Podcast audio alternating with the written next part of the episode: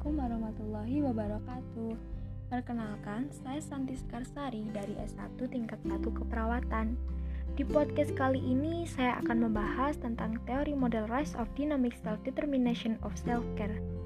Sebelum membahas lebih jauh, kita harus tahu apa sih itu home care.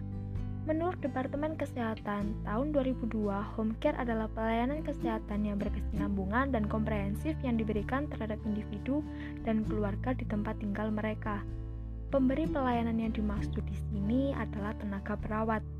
Perawat dalam hal ini menjadi ujung tombak yang berhubungan secara langsung dan terus-menerus dengan pasien dan keluarga pasien, serta mengatur kerjasama dengan profesi lain guna mencapai peningkatan kualitas kesehatan pasien serta kemandirian pasien dan keluarga dalam merawat pasien.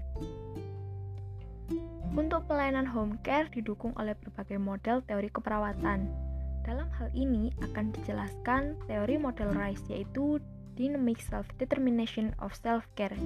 Yang dimaksud dari model ini adalah pasien diberi kebebasan untuk menentukan pilihannya dalam merawat diri sendiri guna menjaga keseimbangan kesehatan mereka sendiri. Peran perawat home care adalah fasilitator pasien dalam menentukan pilihannya untuk merawat dirinya sendiri melalui strategi edukasi, advokasi, komunir spiritual, estetika, dan manajemen kasus. Berikut adalah tiga tahap hubungan caring antara perawat pasien dan caregiver. Yang pertama, dependent, di mana ini adalah tahap awal perawat akan melakukan sebagian besar perawatan pada pasien. Yang kedua, interdependent, di mana pasien atau pengasuh pasien sudah mulai memiliki pengetahuan, keterampilan, dan kepercayaan diri untuk melakukan perawatan secara mandiri.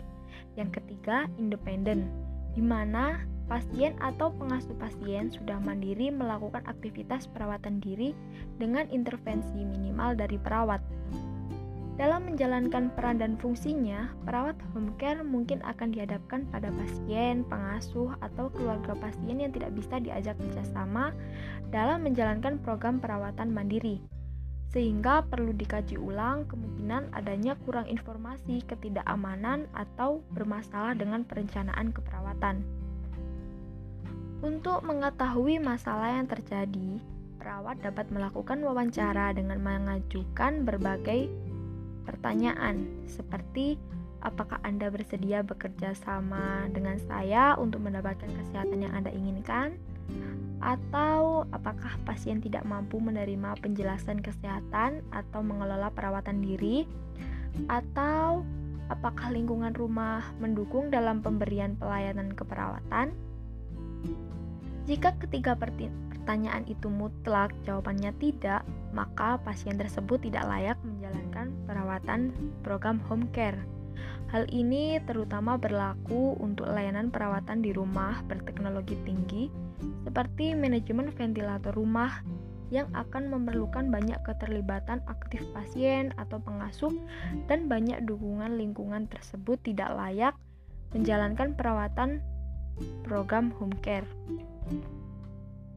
Model ini dapat digunakan sebagai kerangka teoritis untuk mengembangkan clinical pathway atau rencana perawatan. Model ini akan sangat membantu sebagai alat orientasi bagi staf baru home care. Dapat juga digunakan untuk membiasakan siswa perawat dalam menjalankan perawat home care. Model ini juga memberikan konsep untuk pengujian dan pengembangan teori lebih lanjut dalam perawatan di rumah. Pada akhirnya, model keperawatan yang terbaik adalah bagaimana kita bisa menawarkan pendekatan akal sehat dalam merawat pasien home care dan bentuk-bentuk keperawatan komunitas lainnya.